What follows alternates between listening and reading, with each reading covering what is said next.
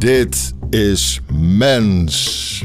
Welkom bij weer een nieuwe aflevering van de podcast die nadenkt over wat wij eigenlijk echt willen zijn. In plaats van dat nadenken over te laten aan snelle jongetjes in Silicon Valley die voor ons wc's op wifi of toiletpapier met Bluetooth uitvinden. Vandaag hebben we een hele interessante gast. Dat is Inger Leemans. Inger, zou je jezelf misschien even kunnen introduceren? Graag. Ehm, ik ben Inger Leemans. Ik ben hoogleraar cultuurgeschiedenis bij de Vrije Universiteit Amsterdam.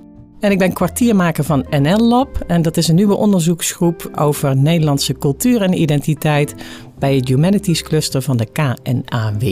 NL Lab, zei je dat nou? NL Lab, ja. Wat, wat doen jullie bij NL Lab? Daar zitten allerlei verschillende wetenschappers in. Historici, literatuurwetenschappers, antropologen, taalkundigen. Die samen proberen om een nieuwe visie te creëren op het, nou zeg maar, kern- en probleemdossier van Nederlandse cultuur en identiteit. En je kan zeggen, nou, het is een lab. Het uh, brengt allerlei uh, verschillende groepen bij elkaar. Het is, uh, we willen meer experimenteel onderzoek doen niet zozeer Nederlandse identiteit gaan eiken, maar wel uh, gaan kijken naar hoe we daar zeg maar, nieuwe perspectieven op kunnen maken. Als ik nadenk over Nederlandse identiteit, denk ik altijd meteen aan mensen die fijn in de geschiedenis graaien en daar bevestiging zien van de denkbeelden die ze op dit moment hebben. Ja, ik denk dat je daar helaas gelijk in hebt. En dat betekent denk ik dat nationale identiteit het in het algemeen heel erg als een symbolisch concept is uh, onderzocht en uh, wordt bekeken als een, uh, nou ja, datgene wat mensen bindt. En ook, daar speelt het verleden natuurlijk een belangrijke rol in. En het is allemaal waar, maar het is ook een verhaal dat een beetje los is gezongen van het feit van waarom hebben we het over nationale identiteit en hoe hangt dat eigenlijk samen met wat Nederland is en wie Nederlanders zijn en wat Nederlanders maakt.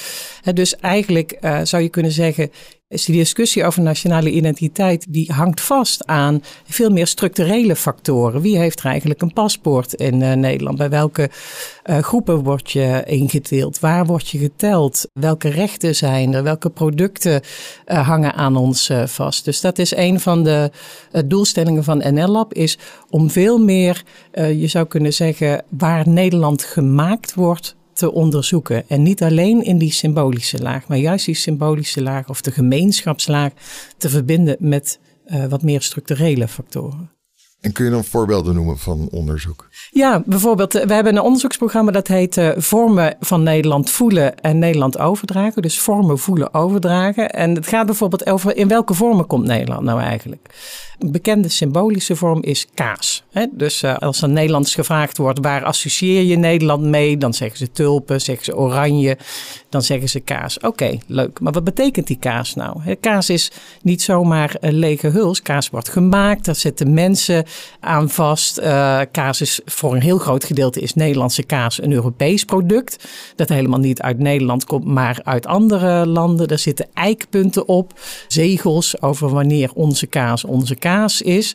Dus die zeg maar, symbolische Nederlandse kaas, die zit vast in een heel stelsel van soms nationale, soms Europese, soms global uh, scheidslijnen. Nou, als je dat in kaart brengt, dan gooi je eigenlijk de vorm kaas open. Dus dat is een voorbeeld van een vorm. Nu begrijp ik het. Nu begrijp ik. Dus vroeger zou je kaas in de wetenschap alleen tegenkomen in ergens een biologisch onderzoek misschien. Je zou het ergens komen bij gezondheidskunde of zoiets. En je zou het misschien tegenkomen een keertje bij uh, geschiedenis of bij economie. Maar jullie doen interdisciplinair onderzoek naar. Precies. Het, ja, ik ja, begrijp. dus bijvoorbeeld onze taalkundige die vertelt dan van ja, kaas is ook gebruikt als uh, taalkundige uh, eikpunt om te kijken of mensen de standaardtaal konden spreken. Dus sommige mensen in Nederland zeggen Kees, die zeggen helemaal geen kaas. Dus om te kunnen kijken of iemand de standaardtaal machtig is, is kaas ook weer gebruikt als uh, je zou kunnen zeggen, een eikpunt voor taalkundig Nederlandschap. Ja,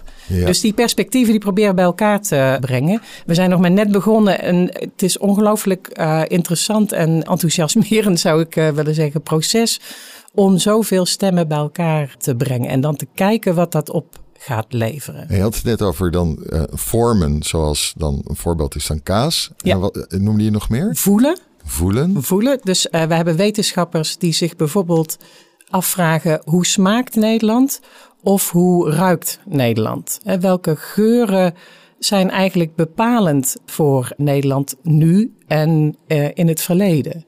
Of hoe... Stront. Stront.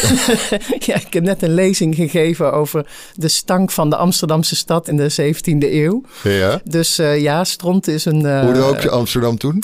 Uh, niet zo heel erg lekker, zeker niet in de, in de zomermaanden. De Amsterdamse grachten zijn eigenlijk een soort van uh, open riolen en afvalputten geweest en, uh, voor een lange tijd. Dus de stront, of, of hoe rook het? S stront, maar ook afvalwater van alle industrieën die zich rondom het grachtenstelsel, die hadden dat water van de gracht natuurlijk hard nodig en gebruikten dat ook weer als aflaat. En wat kreeg je dan voor een geur? Het is natuurlijk heel moeilijk om te beschrijven. Dat is heel moeilijk om te beschrijven. Ja, we proberen recreaties te maken van die geur. Een van mijn promovendi heeft een geur van de 18e eeuwse Amsterdamse grachten gemaakt, maar die is zo erg. Uh, als ze die al in, meeneemt in haar tas, dan kan ze eigenlijk niet meer in een. Uh, is in deze tijden misschien wel handig, maar uh, dan kan ze eigenlijk niet meer in de trein of wat dan ook. Dus die is wel erg heftig. Maar goed, het, het, is, het is heel lastig natuurlijk om die geur echt weer ten neuze te kunnen brengen. Maar je kan wel proberen te analyseren van welke componenten er allemaal in hebben uh, gedreven. En we hebben ook historische beschrijvingen uh, van die uh, stank. Ik had ergens van jou iets gelezen, dat vond ik, dat vond ik zo'n zo'n goede vraag. Ik citeer jezelf eventjes. In a world where less and less people use cash, are we disconnecting with the world of finance? Nou, dat vond ik een hele mooie vraag. Wat was dat voor onderzoek? Waar viel dat bij?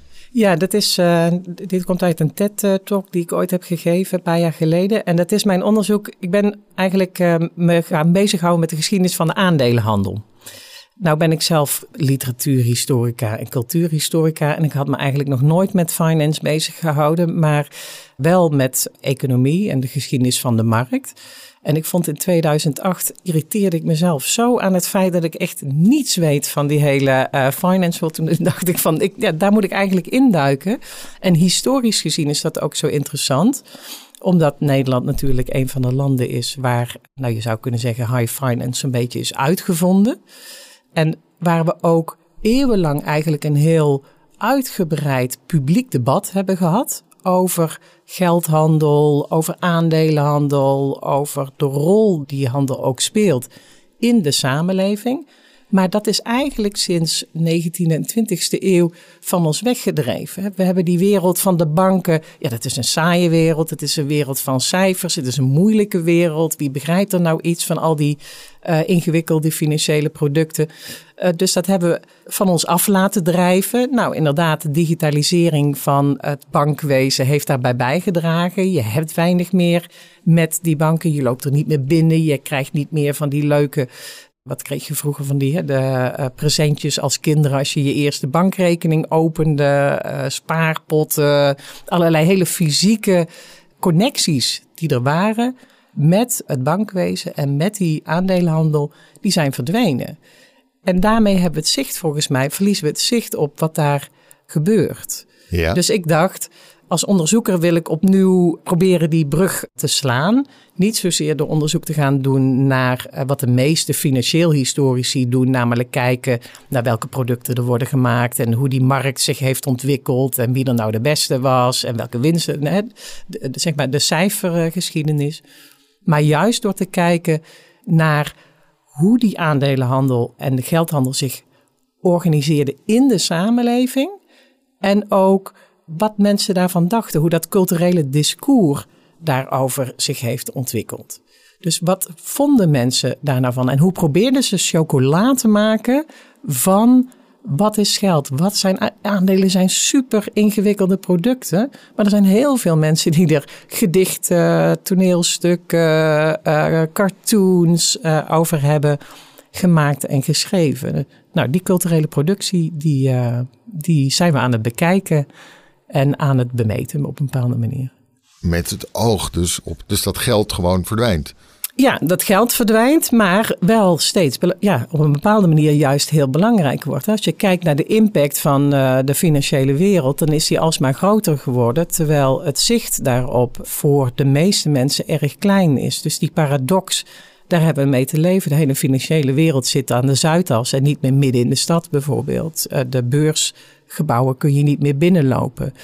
Vroeger kon je in de 17e en 18e eeuwse beurs kon je naar binnen wandelen. En dan kon je op de eerste verdieping klimmen. En als toerist kon je dan kijken naar hoe die handel zich afspeelde. Nou, dan wist je niet precies welke transacties er uh, werden uitgevoerd. Maar je kon wel zien wat de dynamieken waren. En je zag bij wijze van spreken dat er papieren werden uitgewisseld en dat er iemand met een grote zak duiten wegliep. Nou ja, je zag, je kon de, uh, de, de, snelheid, de beweging, kon je meten aan de hoeveelheid mensen waren, de drukte, maar ook de ordelijkheid zeg maar, ging de handel langzaam uh, of, of zag je veel mensen op elkaar clusteren. Uh, er waren al veel signalen waarmee er gehandeld werd hè, uh, om aan te geven of kopen, verkopen, welke prijzen. Dus ja, dat kon je van een afstand meekijken. En denk je nou dat, dat op het moment dat, dat fysiek er dingen veranderden, dus dat je dingen niet meer op papier, geen inkt meer rook en, en of geen, geen geld meer vasthield, aandelenhandel en zo op computers opeens terecht kwam. Wat, wat was de impact daarvan, denk je? Ja, ik denk dat uh, wat we zeggen, embodiedness, dus belichaming, Is, is een hele belangrijke manier van kennis opdoen. Dat is ook waar we met geuren bezig zijn. Want je leert veel met je lichaam. Doordat je in een ruimte bent. En de ene ruimte voelt niet als de andere ruimte. Doordat je ruikt, doordat je voelt, doordat je smaakt. Dat zijn eigenlijk allemaal manieren uh, of laat ik zo zeggen, je sensorisch systeem is een heel belangrijk kennissysteem. Als je dat uitsluit, dan prioriteer je eigenlijk nog maar één manier van kennis opdoen. Dus bijvoorbeeld aan de VU hebben we nu een nieuwe cursus, die heet Knowing by Sensing. Daarmee hebben we met onze studenten afgesproken van jullie moeten zo, zoveel van de kennis die wij aanbieden gaat alleen maar over het oog en over het, het brein. Zeg maar, wat gebeurt er op het moment dat je probeert om je hele sensorisch systeem weer te gebruiken om kennis op te doen? En dat is denk ik, hè, van zolang jij nog munten in handen hebt, heb je het gevoel van waardebepaling ligt in het kunnen voelen van, oh wacht eens even, deze, deze zilveren munt is helemaal niet zilver. Je kan erop bijten, je kan er, en dat werd ook gebruikt als eikmethode om te kijken naar of de munten wel de goede waarde hadden. Of ze niet devalueerden. Of je niet uh, door iemand uh, een kat in een zak werd. Uh, Even de, de, extra domme vraag. Nu gebruik ik mijn oren en mijn zicht, met mijn ogen, om informatie tot me te nemen. Eigenlijk ja. verder niet alleen in huiselijke situaties of zo, maar voor werk alleen die twee. Je zei het brein, maar brein is toch geen zintuig? Nee, brein is geen zintuig. Brein is eh, de, ja, goed, het verwerkingscentrum, dus, zou je kunnen zeggen. En vroeger gebruikten mensen die op de beurs bezig waren, die gebruikten niet alleen ogen en oren, maar die gebruikten ook tast en geur. Ja, de geur van uh, zweet, van angst. Er zijn uh, mooie interviews met oude optiehandelaren die vertelden dat toen de optiehandel begon, of de, de optiehandelsbeurs in Nederland werd gesticht, dat, daar zat een hele andere dynamiek dan de oude aandelenhandel. Die meer werd gedaan door wat oudere mannen. was een rustige handel. En die optiehandel die was veel fysieker, veel dynamischer. Maar dus ook veel zweteriger en veel, um, nou ja, met veel meer adrenaline punt 1 werd dat ook ingezet. Er werden speciaal ook grote mannen bijvoorbeeld uh, ingehuurd om mee te traden, omdat die gewoon fysiek meer overwicht uh, hadden. Maar je kon dus ook merken aan de, de hitte, zou je kunnen zeggen, wat er gebeurde.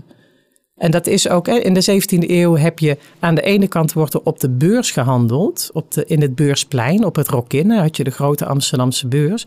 Maar s'nachts werd er doorgehandeld, stiekem, in de cafés, in de, in de koffiehuizen. Oh. Ah.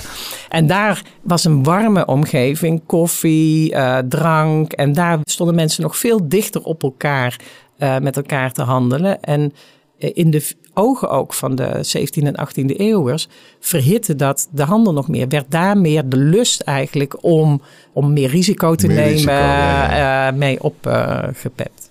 ja, nou wil ik graag weten kun je nadenken over, want er is vast geen absolute uitspraak over te doen. Nadenken over het verschil tussen wanneer je handelt op de beurs met alleen je ogen en je oren, zoals je dat zou doen uh, achter een computerscherm. Eigenlijk bijna alleen maar je ogen dan nog. En wanneer je ook je eh, lichaam tastzin en geur en misschien nog zelfs smaak gebruikt. Want we komen nu natuurlijk weer in een volgend tijdperk. waarin bijvoorbeeld de virtual reality een rol gaat spelen en zo. Is deze manier die we nu hebben, blijft dat het? Of krijgt het straks weer een toegevoegde waarde om van die sensaties zoals we die vroeger ondergingen erbij te zetten? Ja, oh, dat, oh ja, dat is een interessante vraag. Dus dan zou je van high frequency trade naar een sensorische algoritmehandel uh, kunnen gaan. Een virtual reality uh, sensorische handel. Nou ja, is dat wat je vraagt? Ja, ik vraag me gewoon af of je weer, weer, weer dingen die verloren zijn gegaan, mm -hmm. of het een meerwaarde zou hebben om die weer terug in te voeren. Maar daarvoor moeten we denk ik eerst terug naar die vraag. Wat is, ging er verloren op het moment dat mensen geur en elkaars nabijheid en de tast verdween? Ja, je zou kunnen zeggen een soort van oncontroleerbaarheid. En dat klinkt misschien tegenstrijdig, want bijvoorbeeld die flitshandel die wordt gezien als een handel die ook heel ongecontroleerd kan zijn, omdat wij niet weten wat computers allemaal voor beslissingen uh, nemen en ja, uh, dat tussen ja. haakjes. Uh, terwijl juist over het sensorisch systeem weten we eigenlijk heel weinig. En we kunnen het ook heel slecht voorspellen of bemeten wat er nou precies allemaal gebeurt in onze uitonderhandelingen. Jij zei net van het meeste doe ik met uh, visueel en met tast, maar wij zitten hier in elkaars uh, nou, geuren Toch nabijheid. Niet in elkaars, uh, nee, we zitten in anderhalve meter ja. en de aerosolen hopelijk houden we die een beetje bij ons. Maar je weet niet wat daarin gebeurt. Hè? veel mensen zeggen ook door de lockdown wat mis je allemaal op het moment dat je geen fysieke nabijheid meer hebt? En dat gaat niet per se over aanraken en over huidgevoel, maar het gaat ook gewoon over uh, sensorische omgeving van iemand ja. uh, om daarin te zitten. Dus daar gebeurt veel meer uh, dan we weten. We weten dat mensen verliefd op elkaar worden door geur bijvoorbeeld. Dus wat raak je kwijt? Een heleboel waarvan je niet weet wat het precies doet. Zou ik zo, uh, zo zeggen. Wat zou je daarmee winnen als je dat weer terugbrengt? Hey, jullie hadden het over Next Nature. Volgens mij eenmaal een van de eerste... Van uh, Mansford, ja. Ja, ja kort, ja. En daar ging het ook over het loslaten van het idee dat je alles zou kunnen controleren of begrijpen. En juist ook weer meer overlaten aan omgevingsfactoren die wel betekenisvol zijn, maar misschien niet bemeten kunnen worden als van door A komt B. Ja. Laat me dat beter uitleggen. Bijvoorbeeld, in de wetenschappen is ondertussen veel bij economen ook veel meer aandacht ontstaan voor emoties, voor de emotionele factoren en de invloed die die hebben op het menselijk handelen en dus ook op de markten. Ja. Dus je hebt tegenwoordig sentiment meters die niet alleen maar kijken naar wat gebeurt er uh, in de cijfertjes, maar die ook proberen te bemeten wat zeg maar de angst en de anxieties zijn die op dat moment bij de trader community spelen. Dus die proberen al de, zeg maar de, de menselijke kant van de handel meer mee te nemen in het bemetingssysteem. Dat is niet sensorisch, maar dat is wel nou ja, zeg maar de, de basisemoties die, die in handel een rol spelen. Waarom? Omdat ze willen voorspellen of er wel of niet een bubbel of een uh, bust aan uh, kan komen. Hè? En daarmee kun je dus, nou ja, met sentiment meeting kun je daarmee meer, voeling uh, krijgen. Dat is al een uitbreiding van het interesseveld. Dus je kijkt dan al naar emoties, niet naar zintuigelijke kanten. Dus niet naar hoe er geroken of hoe er gevoeld wordt. Maar het is een bemeting die eigenlijk altijd uh, kausaal is. Dus je gaat over, jij bent bang, dus je zal minder risico lopen. Dus zal dat dat effect hebben op de marktprijs. Mijn onderzoek gaat eigenlijk veel meer over het hele betekenisstelsel van emoties en van zintuigen. En probeert dat niet zozeer te herleiden tot, oh, daarmee kunnen we dan beter voorspellen wat de beurs zal gaan doen over twee minuten. Dus dat is een hele lange omweg om te zeggen: volgens mij gaat het van allerlei dingen opleveren, maar misschien veel meer dan wat zich laat bemeten en al helemaal veel meer dan dat wat zich laat terugleiden tot dit is dan het effect op de markt. Mensen zullen meer risico's nemen of zullen minder risico's nemen. Een van de dingen die ik echt wel verwacht is als mensen met elkaar tegenover elkaar zitten, dan worden ze gedwongen om ook zich moreel tot elkaar te verhouden. Iemand die je niet ziet, die kun je afzetten. Iemand die je tegenover je hebt staan, daar wordt het al veel moeilijker om daar van allerlei fratsen mee uit te halen. Dus heel simpel gezegd, en dat werd ook gezegd toen de fysieke handel werd uitgekleed, hoe kunnen we dan nog garanderen dat mensen niet helemaal weglopen, of dat bedrijven niet alleen nog maar winst prioriteren en verder geen andere uh, factoren meer uh, in het zichtveld hebben. Ja, nou, mijn vertrouwen in de mens is inmiddels net uh, niet, niet zo groot. Dat, dat, sorry. Maar zou het mogelijk zijn om de mens er helemaal uit te halen. En dan is economie zo'n mooi uh, ja. onderwerp. Wat gebeurt er als je de mens er helemaal uithaalt en eens in de vier jaar stemt uh, op jouw uh, politieke partij van keuze? En die politieke partij die geeft de grenzen aan hoe we de beursalgoritmen in mogen stellen. Die worden ingesteld. Wow. Punt. Ja. Dat lijkt me echt een dystopie. Uh, wat mij opviel bij het uh, bezoeken van de, de grote optiehandelaren in Amsterdam. De mens is er nooit helemaal uit, want het gaat wel over algoritmes, maar het zijn niet algoritmes, die, die komen ook ergens vandaan. Die bedrijven zitten vol met technische medewerkers, computer scientists, die zitten daar de hele dag code te kloppen. En die proberen te reageren op wat de markt doet en wat de effectiviteit van uh, de door hun gemaakte uh, coderingen. Dus een van die bedrijven, dat vond ik zo mooi, die hadden een werkvloer met allemaal mannen. Maar daar liepen Thaise massagedames tussen. Om die stressvolle codekloppers zeg maar, even weer uh, te laten relaxen. En dan hop, konden ze weer achter de schermen om door te gaan. Dus dat is een andere handeling dan zeggen kopen, verkopen.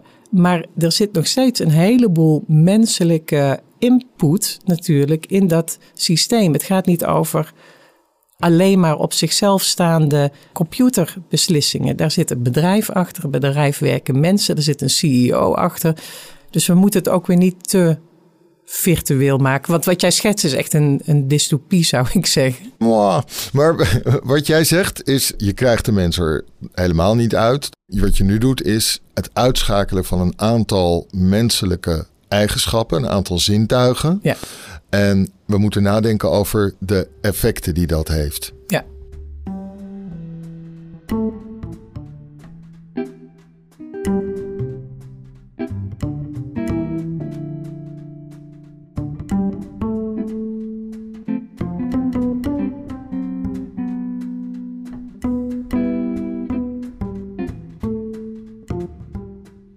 Je had ook iets meegenomen voor me, geloof ik. Ja, ik had uh, voor jou een uh, begeurde prent uh, meegenomen. Ik heb hem ingepakt zodat je niet de door mij aangebrachte hoes hoeft aan te raken. Je kan die prent uit het plastic halen. Oké, ik krijg een prent die zit in plastic. Ik zie een heel mooi gebouw. Ik schat zo 17e eeuws. Wat is het? Ja, 17e eeuw, begin 17e eeuw van Hendrik de Keizer. Hendrik de Keizer. Wat voor gebouw is het, denk je? Ik denk dat het, ja, het is een beurs. En ik, er staat boven Amsterdam Mensis. Ik denk dat het de beurs in Amsterdam is. Ja, ja. heel goed. Gebouwd begin 17e eeuw. Een wereldwonder ik zie, de, ik zie het, het is anders dan uh, uh, nu natuurlijk. De beurs van Berlaag, die is van later.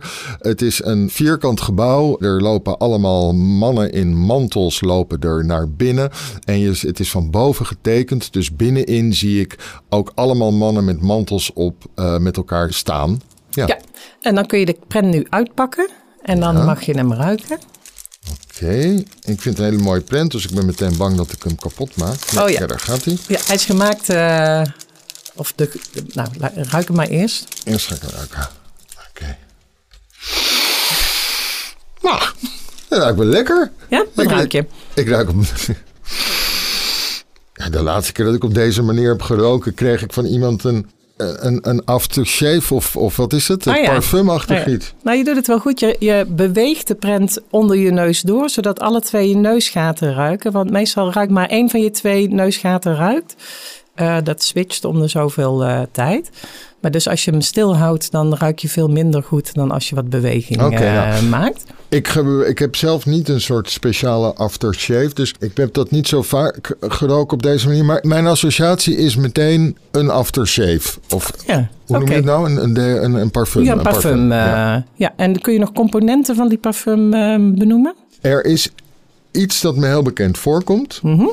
Naast dat ik denk zeep, maar wat is het nou? Het, het, is het, eh, het richting een specerij? Ja, ja heel goed. Ja, ja. precies. Kaneel of zo? Nee, dat is ik dan Nee, kruidnagel, uh, kruidnagel, zit erin. Ja, en een beetje kaneel. Maar nee, nee, je hebt helemaal gelijk. Er zit een klein mengsel inderdaad van uh, kruiden in. Niet dat het, hè, dus waar je naar kijkt inderdaad is de beurs van Hendrik de Keizer. Die in de 17e eeuw op de Rokin is uh, gebouwd over de Amstel heen. Dus deels ruik je het water van de Amstel. Dus dat is een beetje die brakke geur die erin zit. Dan kruiden, want het was niet zo dat er echt daadwerkelijk goederen werden verhandeld op die beurs. Maar de meeste kooplieden die liepen wel constant op en neer tussen de warenhuizen en de beursvloer. En op de beursvloer werden dan de transacties uh, gedaan. Dus dat ruik je. Beetje hout en steen van het uh, materiaal waar de beurs uit opgetrokken is. En een klein beetje zweet van de handelaren. En ook nog een vleugje de geur van geld die iScent heeft gemaakt. Dus dit is gemaakt door een parfumbedrijf of een geurbedrijf, uh. En die maken uh, geuren voor uh, hotels, koffiegeuren, om je te verleiden om daar te Grappig. ontbijten en dat soort dingen. En met hun heb ik uh, deze geurcompositie gemaakt. Je zou niet kunnen zeggen, dit is daadwerkelijk hoe het daar toen rook. Maar het is een interpretatie om je zou kunnen zeggen het verleden in te trekken en na te denken wat het is om op zo'n plaats te zijn. Dus wat is de geur van geld? Je zei en een beetje de geur van geld. Maar ja, Icent heeft de geur van geld gemaakt. Dus uh, dat is ook nog een aparte geur die je uh, bij hun kunt uh, bestellen of, of ruiken. Dus de geur van papier, geld. Dus een beetje inkt en papier.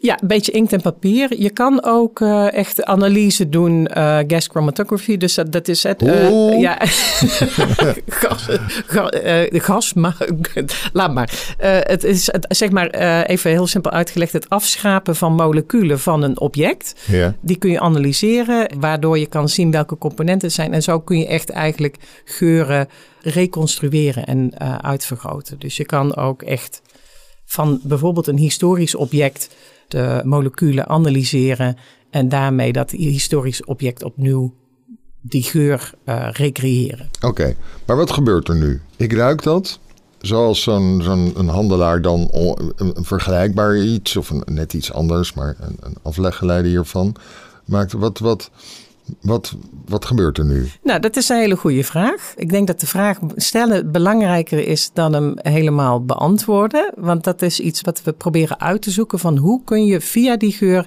kennis opbouwen over het verleden en over wat de dynamiek daarvan is. Ja. Nou, laat ik het zo zeggen. Stel je voor dat je over de geuren uit het verleden onderzoek doet en je ruikt niet. Dat zou iets heel raars zijn. Waarom zou je alleen maar kennis kunnen opbouwen door in de archieven iets te lezen, bijvoorbeeld. Hè? Dus als je niet ruikt, dan leer je ook niets. Ja. Ah, maar die, die archieven die ruiken ook, hè? die ruiken definitely. ja, dat, is zo, ja. Maar ja, goed, die worden allemaal gedigitaliseerd. Dus die analyseer ik tegenwoordig vooral digitaal. Uh, en dat is heel jammer, want die ruiken fantastisch inderdaad. Ik moest laatst ook archiefonderzoek doen. En daar zat ik al in allemaal kranten van in de Tweede Wereldoorlog.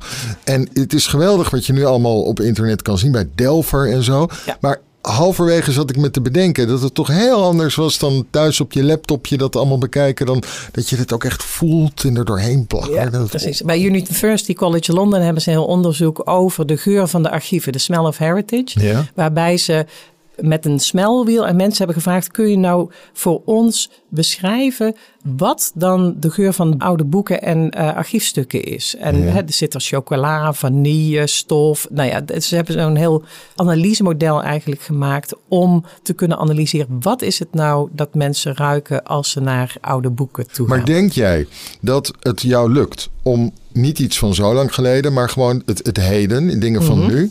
Denk je dat het wetenschappelijk mogelijk is om zo te onderzoeken dat we de ervaring die wij nu hebben, dus met geur en alles, dat we die kunnen bewaren en herleiden over 80 jaar? Ik denk dat we dat veel meer zouden moeten doen. Dus dat het heel jammer is dat we historische geuren laten vervliegen en niet proberen om op een of andere manier daar een registratie van uh, te maken. En ik denk ook dat we heel veel kunnen leren door geuren te ruiken van andere culturen, van andere tijden. En dat je kan nadenken over, eh, die beurs die was open bijvoorbeeld. Dus wat jij ruikt nu is ook een open geur. Een geur die gaat over het water, die gaat over het lucht. De beurs veel later was een gesloten beurs. Die stond niet in een open systeem met de stad. Als je nu een geur zou maken van een optiehandelsbedrijf uh, uit de Zuidas en je zou die hiernaast leggen, dan is de analyse van de verschillen denk ik heel significant. Dat kan een eerste opstap zijn om te kunnen begrijpen wat het is dat er verandert. En wat er dus bijvoorbeeld verandert in jouw connectie met die sector. Nu heb je er helemaal geen connectie mee, behalve dan als de beurs instort, dat je dan denkt van hé, hey, wacht even, dat heeft economische effecten. Zodra je iets gaat ruiken, krijg je er een binding mee, een, een affectieve binding, en je krijgt er een herinnering aan. Bijvoorbeeld, er is een geur van de maan gemaakt. Die heb ik geroken, die is fantastisch punt 1 ga je erover nadenken van, kun je de maan ruiken? Eh, hoe zou die dan ruiken? Ja, zeg, hoe ruikt de maan? Die geur is stoffig, licht, rubber, een beetje verbrand. Oh. En stenig. Ja, maar dat, dat schijnt inderdaad zo te zijn. Dat wat je, als er geroken kan worden, dan zijn het vooral de e-, elementen van de maanlanders, zeg maar. En de verbrande geur van de rubber. Uh... Hebben we dat al nu alweer verpest? Nee. Maar, maar wat het mooi, mooiste is dus, als ik er nu aan denk, dan heb ik dus het gevoel dat ik op de maan ben geweest. Omdat ik die geur heb geroken, heb ik een herinnering aan een plaats waar ik nog nooit ben geweest. Ja. Dus geur creëert affect, maar het creëert ook herinnering. En het helpt je dus iets voor te stellen wat voor jou in, in eerste instantie niet voorstelbaar is. Is dit ook waarom uh, goed schrijven altijd te maken heeft met het oproepen van meer dan één zintuigelijke ervaring?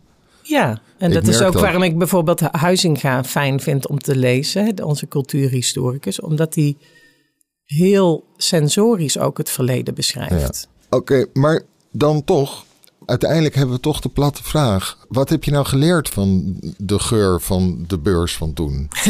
ja, sorry. Ja, nou heel veel.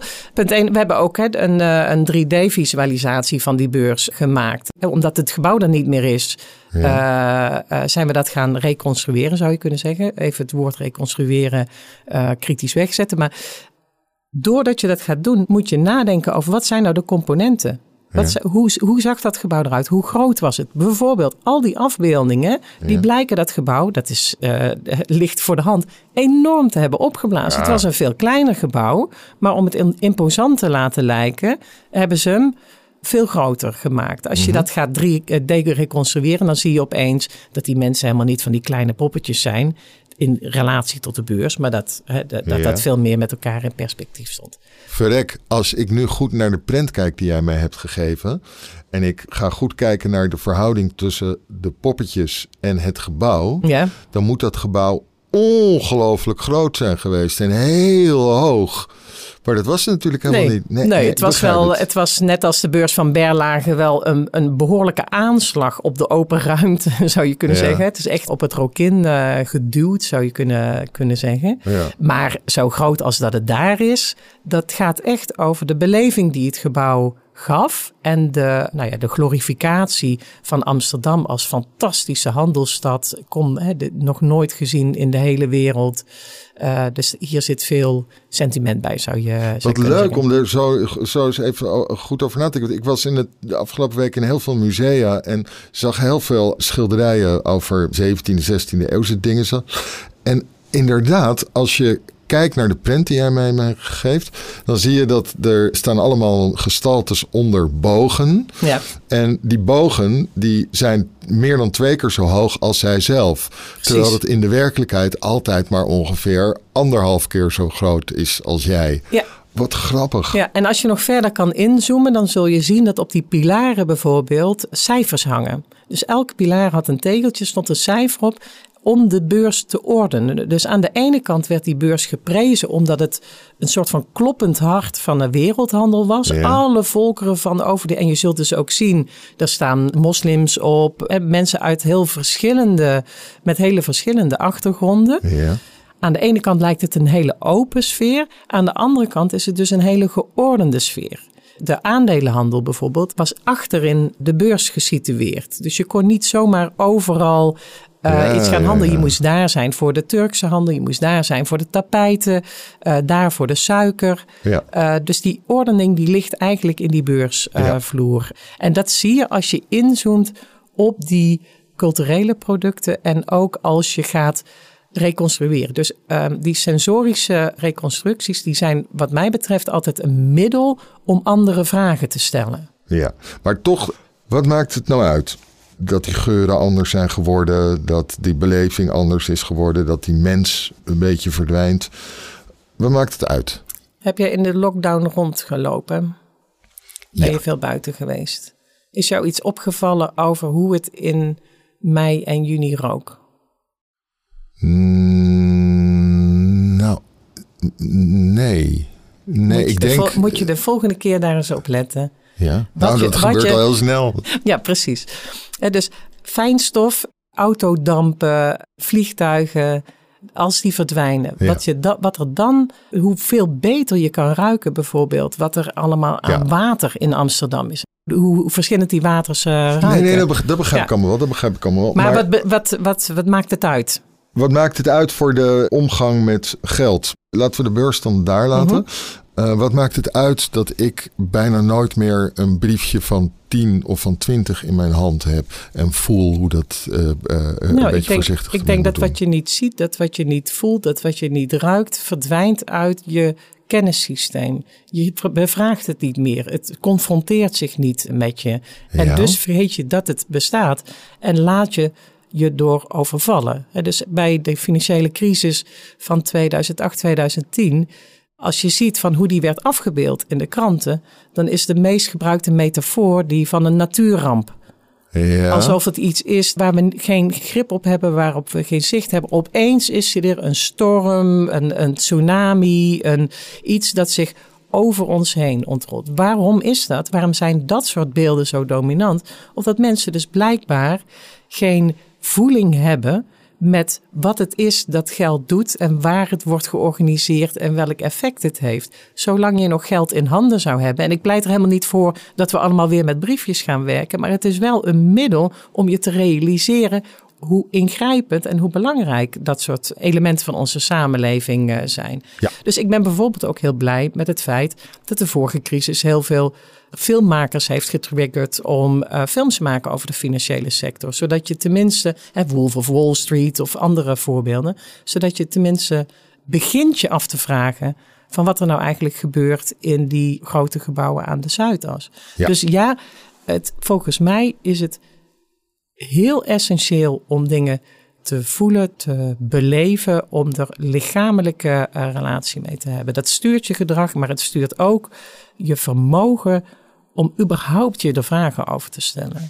Als mensen allemaal met apps, want er komt natuurlijk iets voor je in de plaats. Je bent Mhm. allemaal de hele tijd bezig met de apps op je telefoon. Kun je alles volgen. Je weet al continu hoeveel eh, geld je hebt en alles meer. Dat dat dus niet hetzelfde is. En dat we eigenlijk moeten nadenken over hoe we toch die beleving kunnen houden. En Ja. jij zegt, ik wil niet, niet nieuw geld. Maar dat we op de een of andere manier fantasierijk de dingen ons wel blijven verbeelden en goed blijven voorstellen. Daar zou je weer wel voor pleiten. Daar zou ik zeer zeker voor pleiten. Ja, ze zijn natuurlijk nu aan het experimenteren met geurapps en een geurbeleving thuis. Oh ja, ja. Dus dan zou je elke keer als je een financiële transactie doet, ehm, nou het zij een geluid, het zij een, eh, een geur kunnen, eh, kunnen krijgen. Ik weet niet of dat heel stimulerend eh, is.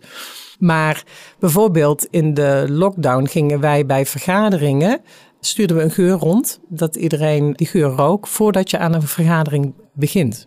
Bij- bij- Bijvoorbeeld kaneel. Ja, of eucalyptus. Hè. Eucalyptus is een, eh, een oppeppende geur die mensen weer even fris en wakker eh, maakt. Als je dat allemaal ruikt, zit je in dezelfde flow en eh, ben je weer even erbij. Dus die geur die wekt je op om Jeetje. in elkaars om, om op elkaar betrokken te raken, bijvoorbeeld. Ah, Oké. Dus ik wil gewoon eigenlijk dat als mijn geliefde en ik elkaar bellen, dat er dan uit de telefoon een heel klein beetje roze geur ja. komt. Ja, precies. Of uh, welk parfum uh, voor jullie, of welke geur voor jullie ja, ja. betekenisvol is. Ah, wat leuk. En eigenlijk ben je dus aan het proberen, omdat je er veel zintuigelijke gewaarwordingen wegvallen. En het risico daarvan is dat je veel meer gemanipuleerd wordt door financiële instellingen en zo, omdat die gewoon het helemaal zelf allemaal overnemen. Wil je weer dingen terugbrengen waarvoor je toch zelf weer gaat manipuleren? uh, ja, maar dan heb je wel meer agents, zou je kunnen zeggen. Dus meer mensen die kunnen manipuleren. Dus er okay. zitten veel meer spelers op de lijn. Dus dat is eigenlijk het belangrijkste, denk ik. Dat je het opengooit voor zoveel mogelijk mensen.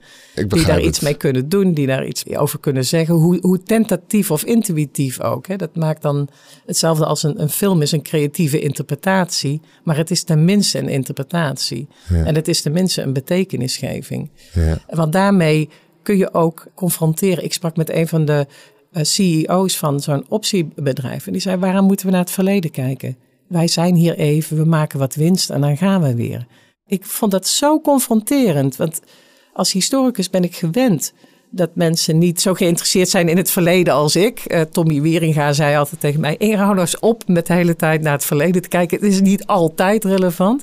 Maar deze man wil systematisch niet achteruit kijken.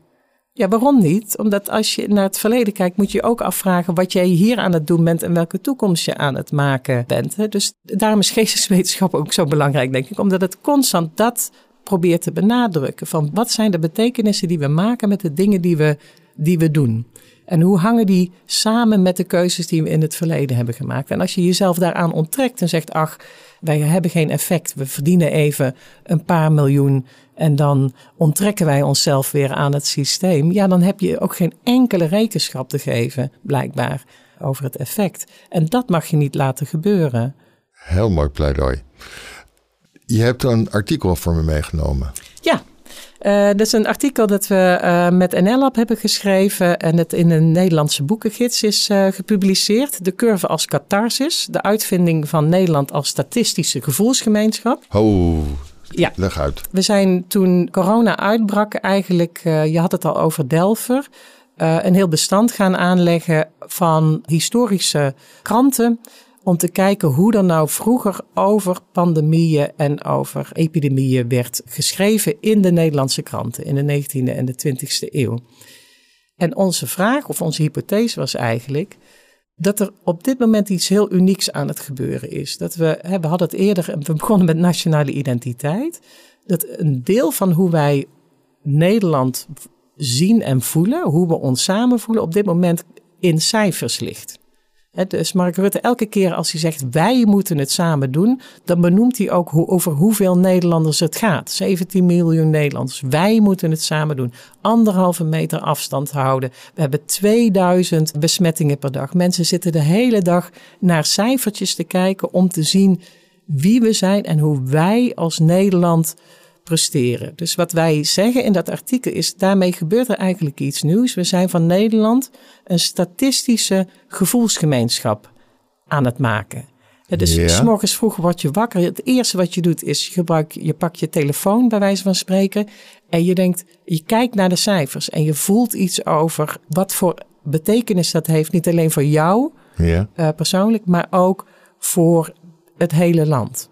En dat hebben we proberen te historiseren. Waar komt dat vandaan? Is dit de eerste keer dat dat gebeurt? Dat cijfers zo belangrijk zijn geworden in het kunnen bemeten, zeg maar, van wat het effect van die epidemieën is, maar ook in hoe we dat als land, als landelijk, als nationale gemeenschap aan het doen uh, zijn.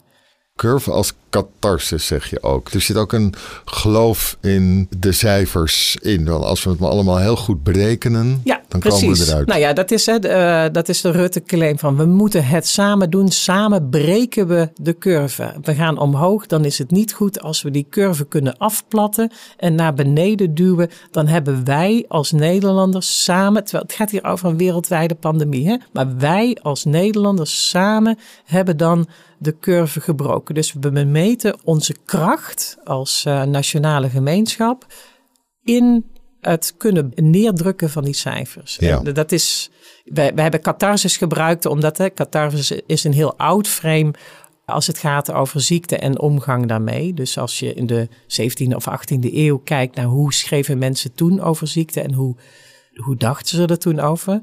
Er was heel veel ziekte, mensen gingen veel sneller natuurlijk uh, uh, dood. En een frame wat veel gebruikt wordt is die van de catharsis. Dat ziekte louterend werkt, dat we er beter uit moeten uh, komen. Maar moet ik ook denken over dat dus nationale identiteit hier dan heel erg te maken heeft met controle.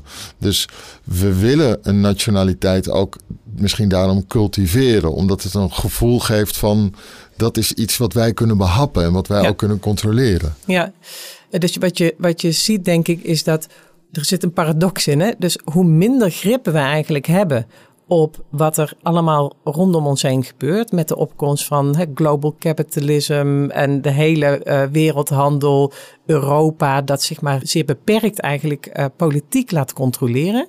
Zou je kunnen zeggen, hebben we eigenlijk heel veel uit handen gegeven. Heel, heel veel controle, uh, rechten zijn eigenlijk helemaal niet meer op nationaal niveau geregeld. En als tegenreactie erop zie je juist dat mensen daar uh, dan heel erg over nationale identiteit gaan praten. Maar dan is het eigenlijk alleen nog maar dat symbolische verhaal. Precies. Dus het is niet meer het verhaal dat nog leidt tot grip of dat het tot controle of tot de mogelijkheid om iets te kunnen, nou ja, in, in de handen uh, te houden.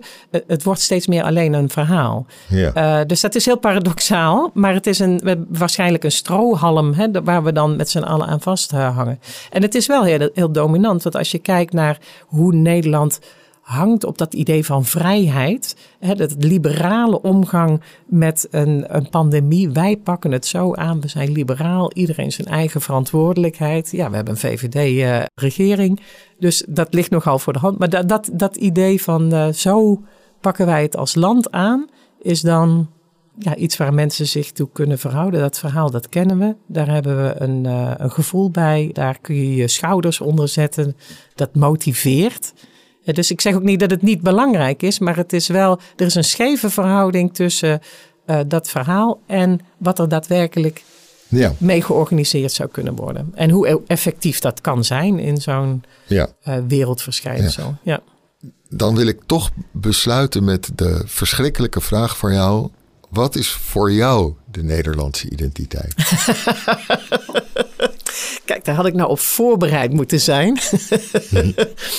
Ja, ik ben bang dat ik gewoon moet zeggen: de Nederlandse identiteit is niet als één entiteit te maken. Dus voor mij is de Nederlandse identiteit de vraag naar waarom dit zo'n belangrijk concept is. Dus dat voor mij is het een vraag, de Nederlandse identiteit, en niet een gegeven waar ik één kenmerk aan zou kunnen hangen, of één vorm, of één gevoel of één geur. Dus het spijt me zeer, maar ik ga niet uh, zeggen de Nederlandse identiteit, dat is.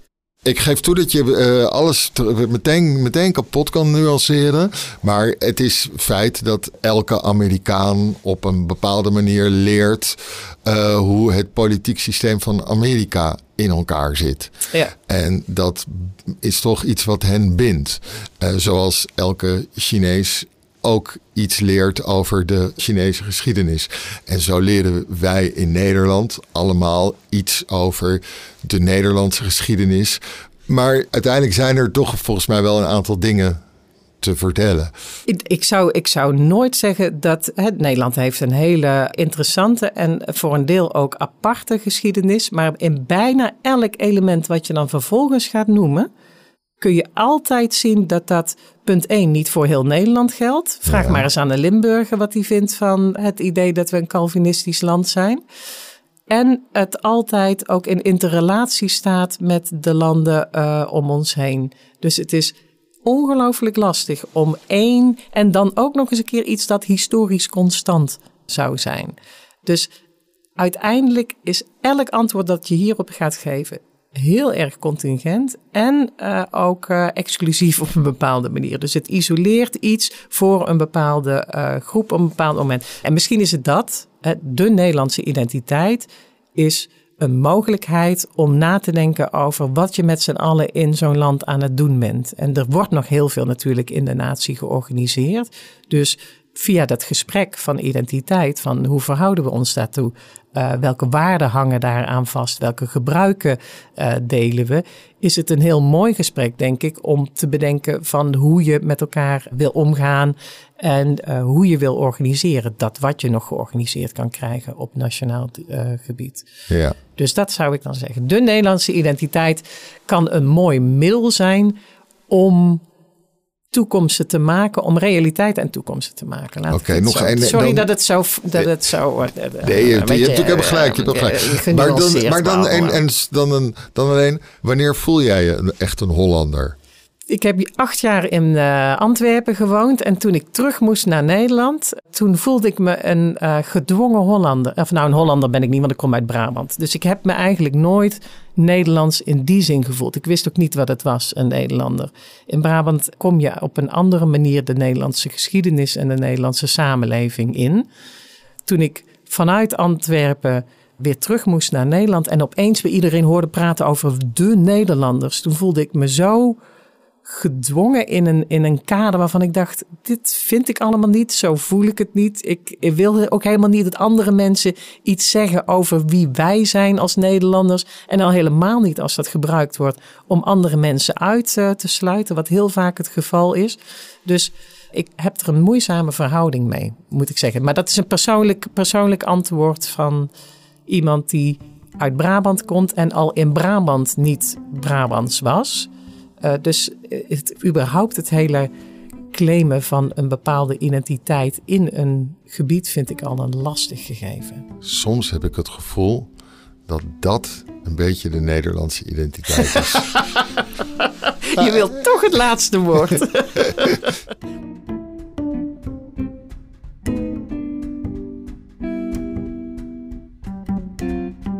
Dit was Mens met Mens Inger Leemans. Mens wordt gemaakt door Hans Poel en Sander Pleij. U kunt u abonneren via uw favoriete podcast-app en dan hoort u ons over twee weken wederom. U kunt zich voor 15 euro een half jaar lang abonneren op Vrij Nederland online. Dat doet u via vn.nl/podcast. vn.nl/podcast. Dank u wel voor het luisteren. Tot de volgende mens.